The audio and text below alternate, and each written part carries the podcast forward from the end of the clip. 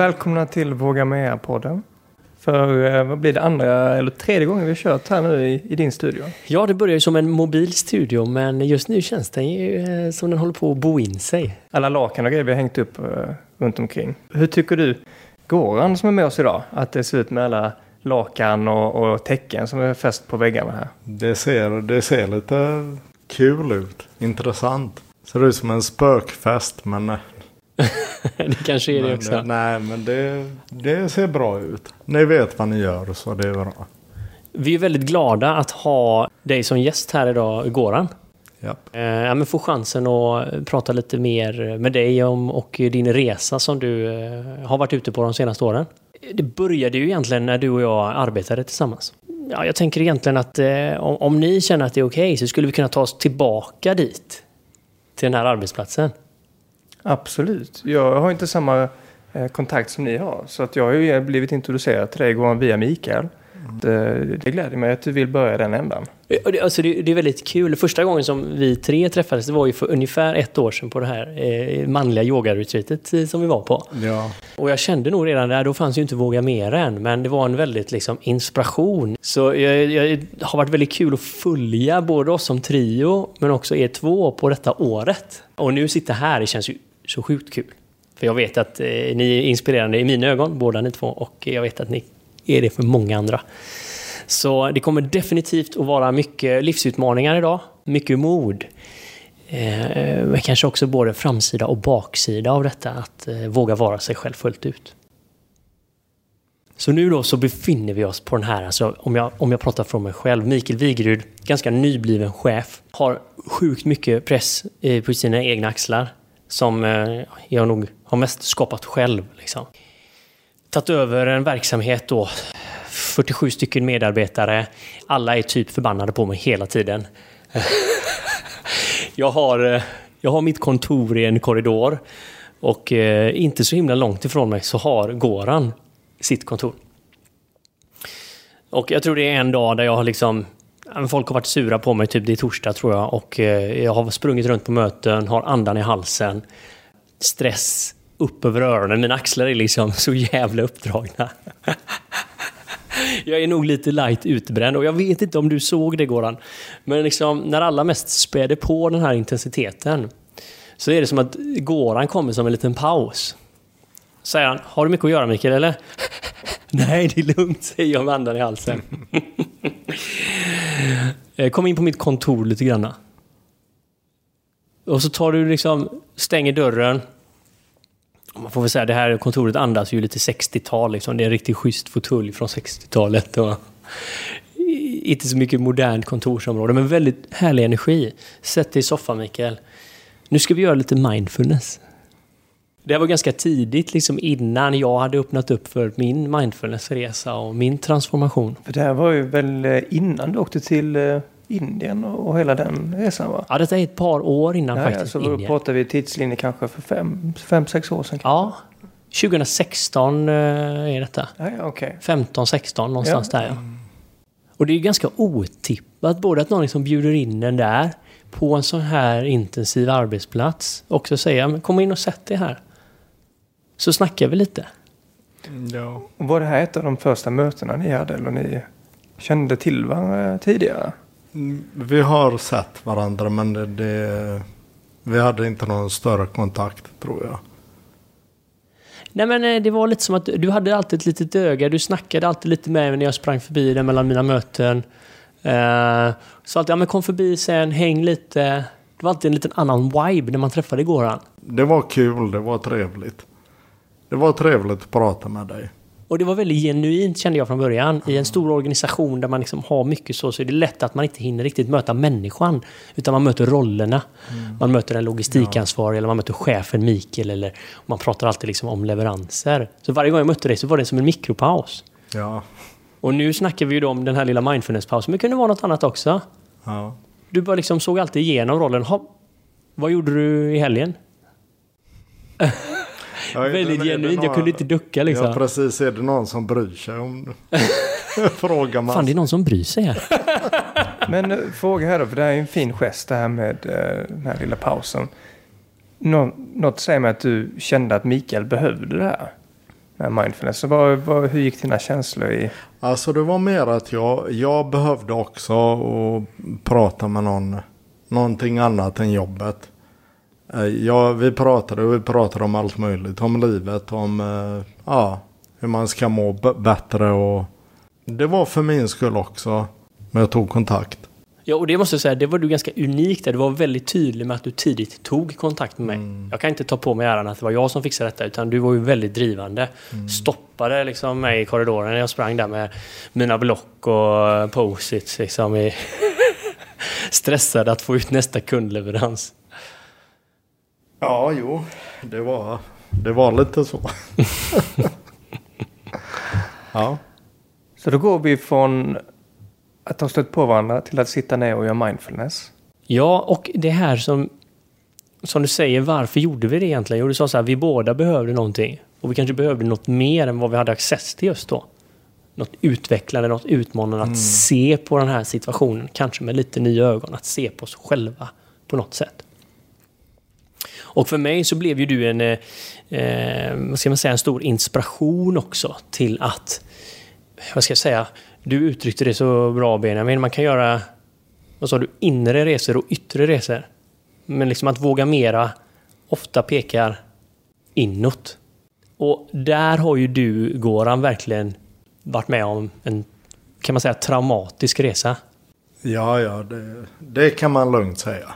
Att den var väldigt traumatisk och väldigt, väldigt eh, oväntad. För vad var det som, eh, vad var det som hände? Nej, men eh, jag, jag, eh, jag blev sjuk. Jag fick en inflammation i hjärnan och hela min, mitt liv förändrades.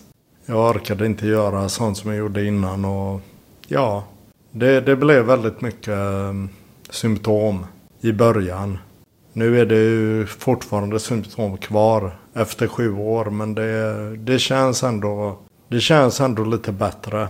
Men jag är långt ifrån eh, 100 procent. Så det här var någonstans 2013 13. då som Ja. du höll på 24 februari.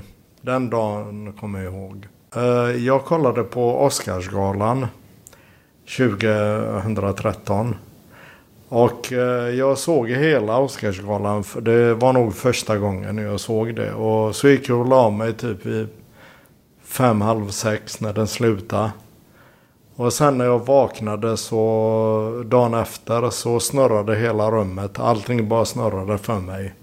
Jag kunde inte fokusera på någonting och jag hade borrdomningar i vissa delar av kroppen. Arm och ben typ. Det, det, var, det förändrades, allting förändrades och jag visste inte vad, vad som hände eller någonting. Det låter som en liksom karatefylla. Och den här karatefyllan har typ hållit på i sju år nu. Men vad hände då när du vaknade upp dag- dagen efter och kände att det är någonting som inte stämmer rätt? Nej men jag trodde att, eh, jag tänkte först att det här kan, eh, det kommer gå över. Det, jag måste bara lugna ner mig och vila. Jag var helt utmattad. Det, det som hände det var ju att eh, det snurrade väldigt mycket allting och jag bara tänkte Jag visste inte vad det var för något. Så jag, eh, men jag gick ändå och jobbade två eller tre dagar. Och sen kände jag bara att det här funkar inte, det blir inte bättre. Och eh, då stannade jag hemma. Jag åkte till läkaren. Eh, Och eh, då sa han, men det, det är nog bara en eh, inflammation i balansnerven. För att, för att det är rätt vanligt tydligen. Vad sitter den vid örat? Ja, i ja, örat. ja. Ja. Så Jag kunde tänka mig det. då sa han, men kom tillbaka om en vecka om det inte blir bättre. Så då gick jag hem och jag var hemma en vecka. Och det blev inte bättre utan det blev snarare mer. Symptomen förvärrades lite. Och då blev läkaren lite oro- orolig. Och han skickade mig, han skrev en remiss och jag fick åka in på Sahlgrenska då. Och där så gjorde de röntgen och de såg att jag hade inflammation i hjärnan, att jag hade fläckar i hjärnan. Det var hemskt att se på, på de här röntgenbilderna. Eh, de här fläckarna som inte skulle varit där. Men de var ju där plötsligt så då fick jag lite panik. För jag visste inte vad det var och de visste inte heller vad det var. Eh, Jag fick vänta ett och ett halvt år innan jag fick en diagnos. Oj. Men de, de förstod att det var en infektion eller så, inflammation. Inflammation, ja. För det här låter ju väldigt likt som hjärnhinneinflammation. Nej, det, är inte, det var inte hjärnan. Det, det var djupt i hjärnan. Så det, det, stö, eller det sabbade nerverna, viktiga nerver och så. Lite så. För det här är liksom... Eh, det här är oerhört allvarligt. Alltså ditt liv ställdes på sin spets här. Eh, Mm. Ja, det gjorde det. är det här i sig, den här inflammationen, är den livshotande? Ja, om, det, om inflammationen satte sig på, på ett annat ställe så kunde det ha varit livshotande. Mm. Det kan ju, om det är typ på andningscentra eller, eh, Då är det hasta la vista direkt. ja, eller inte direkt men jag vet. Ja. ja men, och någonstans när vi befinner oss där i, i det här kontorsrummet, i den här 60-talsfåtöljen där jag då sitter och Goran sätter på sin mindfulness-app. och du faktiskt delar lite av både det här traumat, där det liksom faktiskt höll på att ta slut för din del. Så någonstans så kommer det väldigt mycket liv jag som känner att jag kanske är fast i mitt liv. Trots att du är väldigt tydlig med att liksom, jag har allt. Jag är frisk och stark och i liksom, toppform i mitt liv. Så känns det ju inte så inombords. Jag kommer ihåg när jag säger det första gången till dig här att på något sätt när du har beskrivit ja, men en, en andra chans eller vad, och liksom att vara så nära döden har förändrat din syn på vem du är idag. Och, och då växte det här inom mig att, att det här vill jag ju lära mig utan att behöva dö. Och det kan nästan låta sorgligt, men det är ju så himla... Jag, jag vet inte om ni känner den viben, men inom mig det är ju liksom så här en... Att samtidigt känna sig så jäkla levande. Förstår ni vad jag menar då? Jag tror jag, jag, jag följer med eh, din intention här. Att eh, ibland om det sker någonting radikalt så sätts eh, sin nuvarande situation på spets. Oj, när, när man är väldigt nära någonting eller att någonting radikalt förändrar ens tillvaro.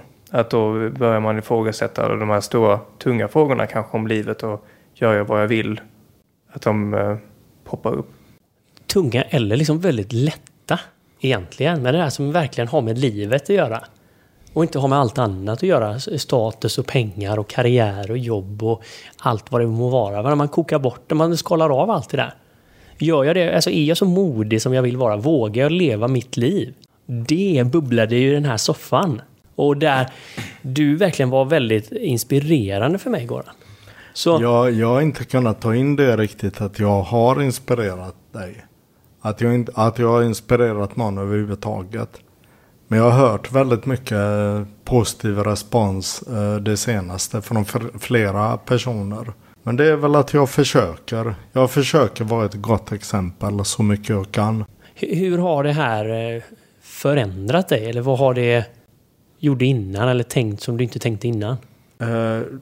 Ja, det, det är väl det här att det kan ta slut när som helst. Så jag, jag vågar göra saker jag vill göra nu. Liksom förut var jag introvert. Och nu är jag nästan 100% motsats. Så jag, jag vet inte riktigt vad.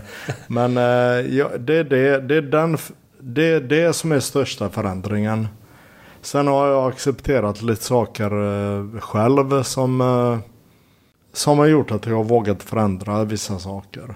Men du menar alltså innan, för, oftast så ser man ju det här som statiskt, att man är född och introvert eller extrovert. Att man är den där som får energi av att vara tyst. Eller att man är den där som får energi av att prata. Men här säger du så här, nej jag var så här innan och nu är jag så här. Ja. Hur, hur var du innan?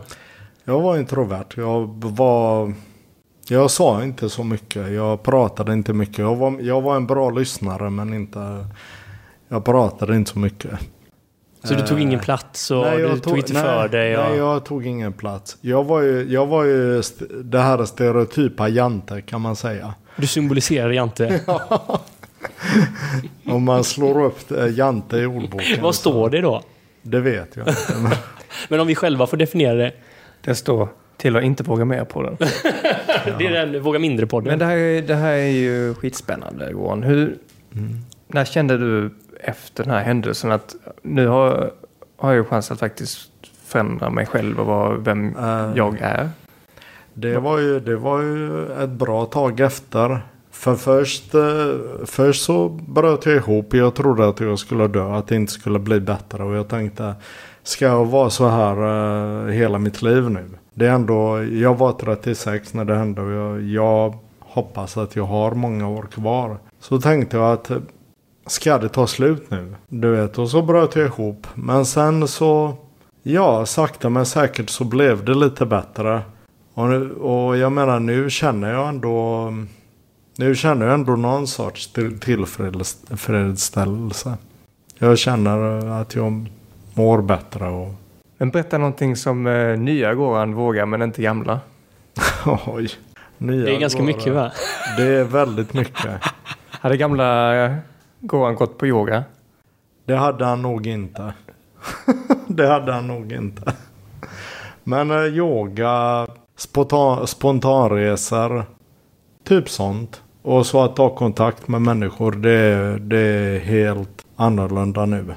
Så våga snacka med någon i ICA-kön eller prata med någon på Inga puben? problem. eller- Ja. Nej, nej. En, det, är mer, det är mer en regel än ett undantag. Så heter det ja. Så heter det.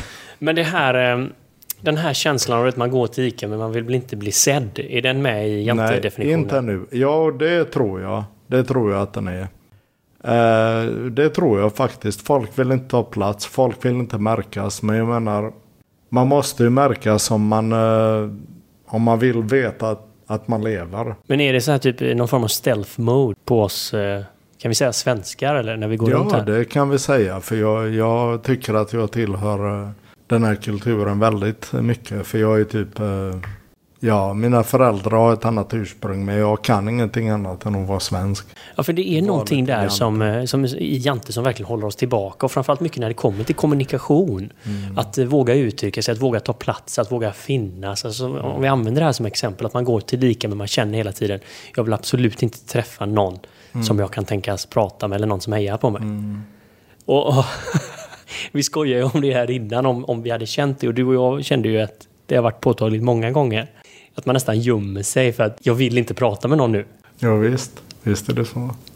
Och jag vet inte om någon av er som lyssnar kan känna igen er i detta, men man vill nästan ha en hoodie på sig, man vill ha en filt över sig och man vill inte bli uppmärksammad. Det är okej att känna så ibland. Det jobbiga blir väl om det är en känsla man har alltid. Men det finns, eh, det finns en anledning till varför det är så. Jag var ju väldigt, eh, inte extrovert, det kan man inte säga om ett barn. Men när jag var liten så var jag väldigt så, jag hade inga problem att prata med folk och sånt. Sen så hände det lite saker och Man växer upp. ja, man tvingades växa upp. Man, man präglas av livet, eller ja, man, färgas. Ja, eller? man präglas, Ja. precis. Man bankas på om man ska bli den här kvadraten eller cirkeln eller stjärnan som ska in i det här hålet om man ska finna sin plats. Är det så, Ja. är det Ja, så livet? Det låter lite som att Någonstans så låter det som att den här, om vi, vi kallar ju det nya Goran, det, det är ju inte rätt, men det låter lite nu som du säger att det fanns något innan och sen så gled, gled man gled du bort ifrån det. Mm. Och sen det här liksom nu hittar du tillbaka eller liksom växer och tar, Utvecklas. utvecklas. Tror jag. Det är inte det att jag hittar tillbaka utan jag känner att det är en eh, bättre version typ. För det finns ju en eh, liksom allmän nästan tes av att man är som man är. Man kan inte lära en gammal hund att sitta om man är typ gammal när man är 25. Jag utvecklas. Jag förnyas. Vi kallar ju det nya, men det är ju inte det. Det är liksom så här att, att, att när man utvecklas så blir man ju också annorlunda. Det är ju så fräckt att höra dig hur du då i mina ögon idag är väldigt fri från det här med social, alltså med samtal och ta kontakt. Väldigt orädd. Alltså jag tänker inte ens på det. det. Det är som om det händer automatiskt. Jag bara pratar med folk. För det är ganska roligt också väl? Det är roligt. Jag, jag finner ett eh, tillfredsställelse där. Jag tycker det är kul. Eh, Det ger mig någonting. För hade inte jag vågat så hade inte jag typ träffat människor och så. För jag, jag tror att jag har träffat säkert 6-7 tusen personer på fyra år nu. som jag har haft eh, diskussioner med, som jag har pratat med. Så det är rätt eh, mycket, tycker jag. Det är rätt intressant det här. Du har ju haft eh, en otroligt stor grej som har liksom radikalt förändrat din sinnesställning. Men du har ju till och med en effekt på hjärnan. Och att innan dess ha en typ av spärr kanske vi kan kalla det. Från det här med att eh, man kanske inte vill bli dömd eller man är rädd vad omgivningen tycker om en. Och man hela tiden, eh, man kan inte leva fullt ut kanske. Man får inte försmak på vad att leva fullt ut innebär heller. Men sen har den här förändringen till att nej, fan, screw this. Nu kör jag mitt nya race. I don't give a shit anymore. Lite så är det. Alltså jag, jag har eh, prioriterat om vad som är viktigt för mig. Det finns mycket människor som, är, som, jag, som jag har tagit bort ur mitt liv. Som inte har varit bra, som har varit energitjuvar. Det är mycket jag har förändrat. Kan du ta oss med lite grann på den förändringen där? Hur, vad du värdesatte innan eller vad du prioriterade till att ja, det kanske inte var det jag ville göra och sen förändrade de värdena och dina prioriteringar? Det känns lite som förut så bara fanns jag. Jag hade ett jobb jag inte tyckte om. Jag eh, hade en lägenhet jag inte tyckte om. Jag var allmänt eh, missnöjd. Men eh, alltså, det, det, där är väl inte helt ovanligt egentligen att man fastnar i någon form av eh, liksom ekorrhjul. Liksom, man kör jobbet, mm. man kör där man bor, man, liksom, man krigar på. Jo men det är så. Det är, men det kanske inte ger en, det gnistrar inte, det är liksom ingen sparkling feeling. Det är, det är inte... ingen livskvalitet. Det är bara att man finns och man, eh, man är en uh, produkt. Eller inte produkt men uh, man producerar liksom. Men hur, hur bryter man detta då? Liksom? Hur, om man känner detta nu. Jag känner igen mig i detta. Det är liksom... Vad tusan gör man för att accelerera? Man, man får tänka att man är värd mer helt enkelt. Eh, det är en sinnesstämning tror jag. Det är tankarna man måste förändra. Okej, okay, jag, jag har ju gått den hårda vägen. Jag känner mig mer eh, tillfreds nu än vad jag gjorde innan. Jag har träffat både bra, jättefina människor och jag har träffat riktiga rövhattar. Eh, jag vill inte nämna. Nej, jag tror att vi jag, jag, förstår. Jag, jag la till ett nytt ord i mitt ord. Jag med. jag älskar det redan. Rövhattar. Nej, men jag, jag skrattar lite där för jag får nästan lite ont i magen. För jag vet liksom, på något sätt är ju du fri från, från den här oron eller normen att, att ta kontakt med människor. Mm. Och, och, och, det är ju Eh, om man ska titta, det kan vara hierarkier. Det kommer en hög chef. Och liksom man får inte prata med den personen. Och du bara, hm, vem är det? Det är han den nya chefen. Honom ska jag snacka med. Ska du med Mikael? Uh, nej, det där är fransmannen, du vet. Liksom, uh, typ näst högst upp i organisationen. Ja, Innan jag hunnit svara så går han där. Tjena, tjena, vad gör du här? här jobbar jag. Eller om man är på krogen, liksom. Vad är det för snygga tjejer där borta? Ja, det är absolut inga sådana man eh, pratar med tänker jag. Då är du redan Tjena tjejer! Var kommer ni ifrån? Ja, det är jag man... som är Goran, kul att se er. Jo, men man får typ tänka att ingen är bättre än en själv. Och det betyder inte att man tycker att man är bättre än alla andra. Utan man är, man är typ lika mycket värd som alla andra. Ja, alla är vi människor ju. Ja, alla är vi människor. Även en president är människa. Ja. Jo, Även en sopgubbe är människa. Precis. Men så är det ju oberoende på vad man har för politisk ställning och sånt. Alla är vi ju kött och blod. Men känner du av det här fortfarande? För det här är ju automatiska saker som händer oss själva. Att, att, om vi tar den här presidenten och den här höga chefen. Att liksom så fort man ser, man inser vem det är, vilken roll den personen har. Då vet man den här personen får jag inte snacka med. Nej, det känner jag inte. Det är bortblåst nu liksom? Det är bortblåst. Jag måste säga, du var ju en, en hög chef. Och dig fick jag jättebra kontakt med. Vi vänner. Och jag menar, jag är bara glad för det. Och hade inte jag vågat så hade vi aldrig typ hängt. Och... Nej, för du var ju jävligt eh, rebellisk där. För jag menar, eh, skulle du följt normen så hade du inte stoppat mig. Och du hade inte pratat med mig på det sättet. Mm. För det var ju ingen annan som gjorde det. Mm. De flesta förhöll ju sig till då, om vi ska kalla mig då i det fallet den höga chefen. Och det här är ingenting som gamla Goran hade gjort va? Om man säger så. Absolut inte. Men var han bra på att följa de här eh, reglerna? Han var ju lite, men jag sa ju det att han var ju typ jante. Ja, han var... Det var jante. ja, det var ju... Men vad var det egentligen som höll tillbaka dig innan då? Det var, det var lite att uh, blygheten.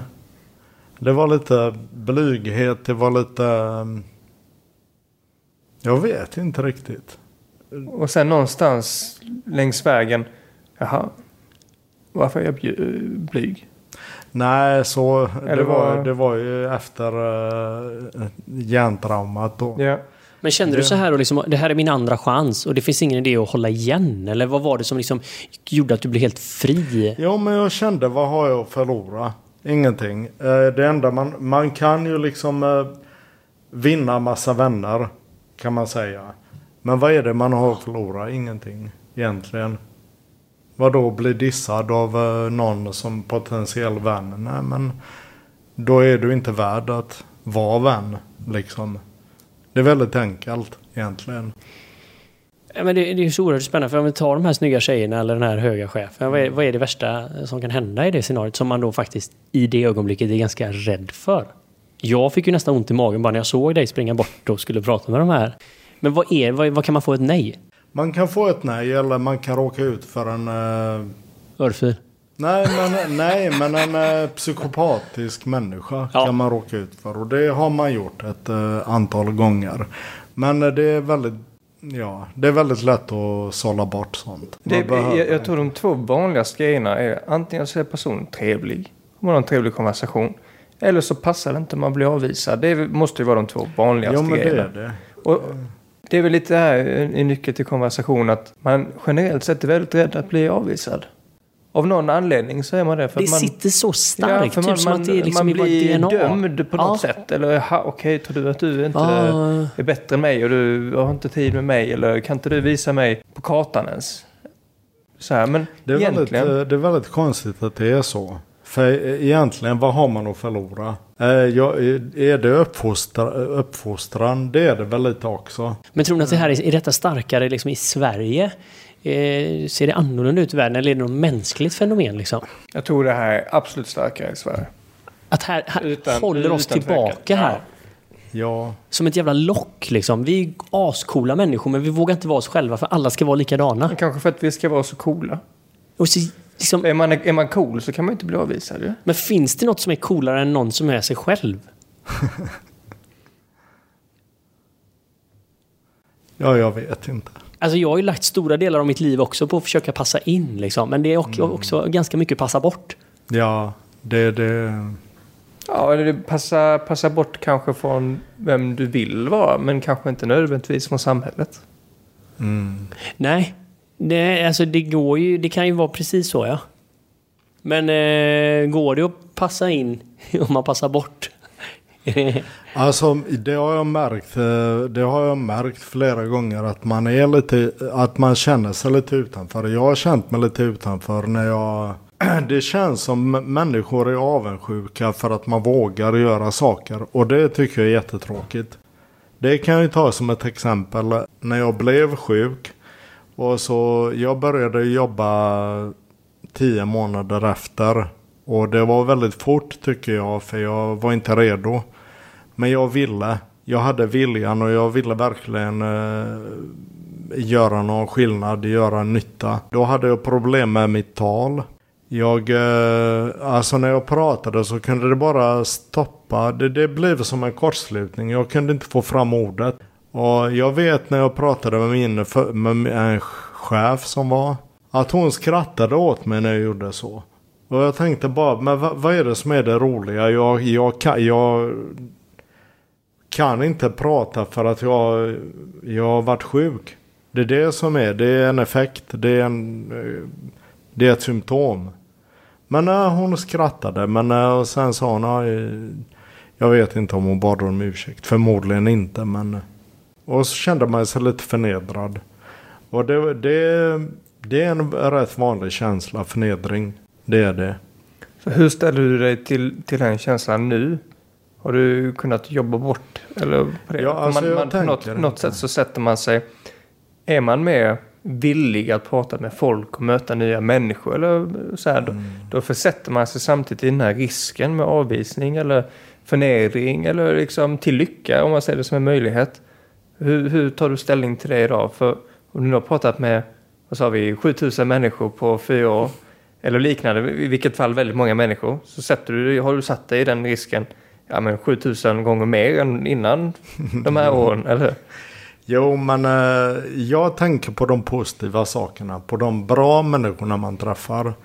De som eh, avvisar, de som eh, hånar eller skojar. De, jag tänker inte på dem. De är inte viktiga. Det är de bra människorna som eh, fastnar. Så det, det, det, det är så jag tänker i alla fall. Så kanske om vi ska ha lite råd här från dig Goran nu när vi har möjligheten att prata med dig. Mm. Du skulle säga till, till folk som lyssnar in på detta. Våga fucking mera.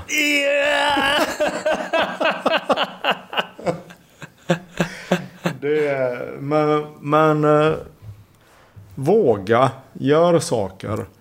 Gör sånt som, eh, som du känner att du, det fyller dig liksom.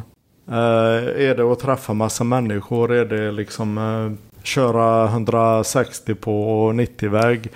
Eh, Okej, jag vill inte uppmuntra till olagligheter nu men... Eh, men du Men jag tror vi förstår poängen. ni förstår poängen ja. För jag känner att eh, det har känts som jag har typ kört. att jag har kört väldigt eh, fort på livets bana typ. Så allt från, eh, jag har fått en ny eh, passion nu. Det är Funko Pops om ni vet vad det är för något. Vad är det för någonting? Det, det är sådana där, eh, det är små figurer från olika filmer. Karaktärer så är det plastfigurer. Typ, Är det sånt som är jättepopulärt i Asien? det är det nog. Ja, men det här det har jag faktiskt sett det här. Och jag, jag blir jättefrågan till vad det här var för någonting. För att jag har en kollega i- från eh, Kina. Och han, eh, han hade två figurer. Jag vet inte om det är samma. Ja, de här var nog lite mindre. Men kanske om man tänker sig som en, en tumme lite till. Och vad han gjorde med dem var, var väldigt intressant. För tydligen gör man så här i många delar av Asien. Han, han reste ju till Sverige och var där eh, några veckor. Och vi träffades pö om pö om, Eh, jag tror varje halvår under, under en period.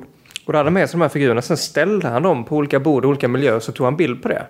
Med bakgrund. Så här, eh, ja, men, eh, olika ställen i Göteborg. Och då representerade den ena figuren han och den andra sin flickvän. Så i och med att hon inte var med på resan så var hon med i form av den här figuren. Och tydligen, ja, man bara okej. Kommer då svenska Jante in i bilden. Ah, det där ser lite skumt ut. Ska jag stå och hålla ljuset här så att det blir bra bild liksom? Men det är ganska eh, liksom typiskt uh, uh, asiatiskt, kallar det tradition eller liknande. Det är som Snapchat är för oss. Mm. Jo men det låter intressant. Det är kanske något, du kanske kan ut och fotografera dina gubbar? Nej, det är många. Får Ett helt se. högstadie med, med figurer. Off, det, det, det finns många. Ja, hur gör man? Alltså om det är någon lyssnare här på podden som också samlar. Är det samlar man gör på de här? Ja, det är det väl. Har man, byter man eller träffas man? Eh, Nej, man- livestreamar man event? Nej, man köper dem. Okej. Man slösar pengar. Det är ett bra sätt att slösa pengar på. Men det är ändå fräckt att hitta liksom en, en passion. För hade, Ja. hade du passion förr i livet? Eller? Eh, ja, men, ja, ja, men eh, det var inget. eh, Det ändrades ju ofta typ. Jag kunde vara intresserad, eller jag har alltid varit intresserad av historia. Och eh, men det har jag läst regelbundet nästan. Men sen har det varit lite, jag vet inte. Samla någonting. Saker som kommer och går men aldrig riktigt bitit fast. Ja, ja, typ. Ja. Ja, men så är det. Men figurerna har bitit fast nu eller? Alltså jag, jag älskar de små rackarna. Det är jättefint. Men sen är det också, det beror på för eh, vissa tycker att det är jättefräckt. Men vissa säger vad fan ska du med de leksakerna till? Jag bara, det är inga leksaker, inte för mig. Och det man leker inte med dem. De står som eh, porslinsfigurer. Varför samlar du på porslinsfigurer typ? Det är samma sak. Men du är ju fri från det nu. Så det här biter inte på dig. Har liksom Nej, regnrocken jag på bryr dig. mig inte. Jag tycker det är kul med sånt.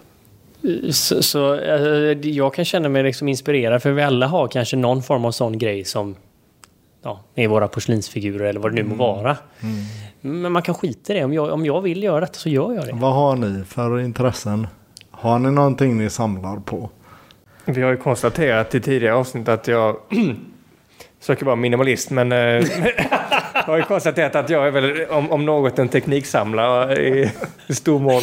Ja men en intressant minimalist får man väl ändå säga att Benjamin är. Så istället för massa skivor så har du hårddisken full med skivor. Kablar tror jag är en av hans fetischer faktiskt. Jag vill inte kalla det för tisch men eh, det beror på vem, man, vem, vem i min omgivning man pratar med så hade det nog kunnat uttrycka så ja. Om man frågar hans sambo, hon bara Behöver vi verkligen 2000 eh, kablar ovanför kylen och frysen? Du Guilty! Vad har du för Ja, man har ju lite olika, men, men jag, det som leder här är väl någonting som man kan typ, vad ska jag säga, kanske skämmas lite över. Eller det kommer in människor i ens lägenhet och man vet att om de tittar på den där hyllan eller så, så kommer det bli lite awkward. Va? Prenumererar du på Kalanka? Har du sett det? Men kan du känna så med dina figurer? Nej, jag bryr mig inte. Jag uppskattar dem och jag bryr mig inte vad någon tycker. Men innan då, när du var mer av Jante, kunde du, hade du brytt dig då tror du? Ja, då vet jag inte ens om jag hade kommit i kontakt med figurerna. För jag har ju lite då min, min sån här plats där jag mediterar. Alltså min, min lite sån speciella plats i min lägenhet. Där har jag ju lite inspirerande figurer också. Eh, och de kan jag faktiskt känna igen mig i detta. Kring att, att det, det kan, när jag tittar med de ögonen, om jag säger gamla Mikael och nya, om vi ska använda den här liknelsen, så, så kan ju gamla uh, skämmas lite över det. Eller känna att det här är jävligt märkligt liksom. Ja, men vad är det att skämmas för egentligen? Vad är skämmas? Det är någon begränsning, det är någon... Eh, det, ja, alltså jag förstår inte känslan nu. Nej men och du säger ju till oss att vi måste våga mer också. Ja. Och någonstans så finns det ju faktiskt en frihet av detta. När man blir fri från den, när man knappt kan förstå den längre. För bara, jag gillar detta. And I don't give a shit. Ja, ja, är det någonting som fyller dig så fan, gå kör på liksom. Jag förstår inte. Det är lite, ja, det är de här, eh, alltså gränserna som finns. Vi kommer ju tillbaka till det här återkommande hela samtalet med Jante. Och Om man då kanske håller en passion borta från ett samtal och öppnar man inte upp vem man själv är för att man är rädd att bli dömd. Men tänk om man hade kanske vågat upp och blivit dömd. Eller vet man att men det var ju kanske ingen person jag skulle fortsätta prata med. Ja. Eller så är det en person som man öppnar upp och säger ah, fan vad coolt. Så du Ja, håller på med man- Warhammer? Ja, men som man klickar med. Ja, fan det har jag också gjort men det är aldrig någon som har delat den passionen. Och så kanske man liksom hittar sin, eh, liksom, vad kallar man det, Star Friend eller Star Twin eller, Ja, eller ja. liknande. Mother from another, mother brother, Galaxy Milky Way. Det är många namn på de här. Är det samma som Soulmate eller är det något annat? Ah, Soulmate är väl den, den lätta. Twin Flame. Nej, men eh, Så vi kanske ska summera ihop säcken lite grann för idag. Eh, Ett tips för att nå dit då, att, att, att våga gå fram och prata med en ny människa och liksom lägga den, den, den första tegelstenen för att bygga lite djupare vänskap. Och vad, vad ska vi ta med oss härifrån idag? Bromsen kommer att komma igen. Där man känner att nej, jag vågar inte detta. När, när jag upplever det i nästa situation. Att det är någonting som håller någonting tillbaka inom mig. Vad ska jag göra då? gör det ändå. Även om det känns obekvämt eller obehagligt, gör det ändå. Det är mitt råd i alla fall. För jag menar, eh, det är så man tränar bort eh, ormskräck. Man får typ eh, göra lite i taget och man får pilla på ormen och hålla i ormen. Och till slut gillar man ormen kanske. Men man får utsätta sig lite. Så nästa gång det här kommer så ska vi tänka på ormen. Komma tillbaka, träna, träna, träna, bygga mod. Underbart! Eh, Det har varit fantastiskt att få höra din historia här eh, Goran. Och, Ja, det var eh, en liten del av min historia. Men det, jag är jätteglad att jag har fått vara gäst här. Så. Ja. Underbart! Tack Tusen för att du tack. kom hit. ja, tack själva. Det var jättetrevligt. Det var en kul erfarenhet det här. Tack till dig som eh, har lyssnat på veckans avsnitt av Våga Mer. Vi finns på Facebook. In och like oss får ni alla nya uppdateringar. Och dela gärna detta avsnittet och, och vår sida med eh, dina nära och kära. och utmana dem att våga lite mera i vardagen. Så ses vi igen nästa onsdag.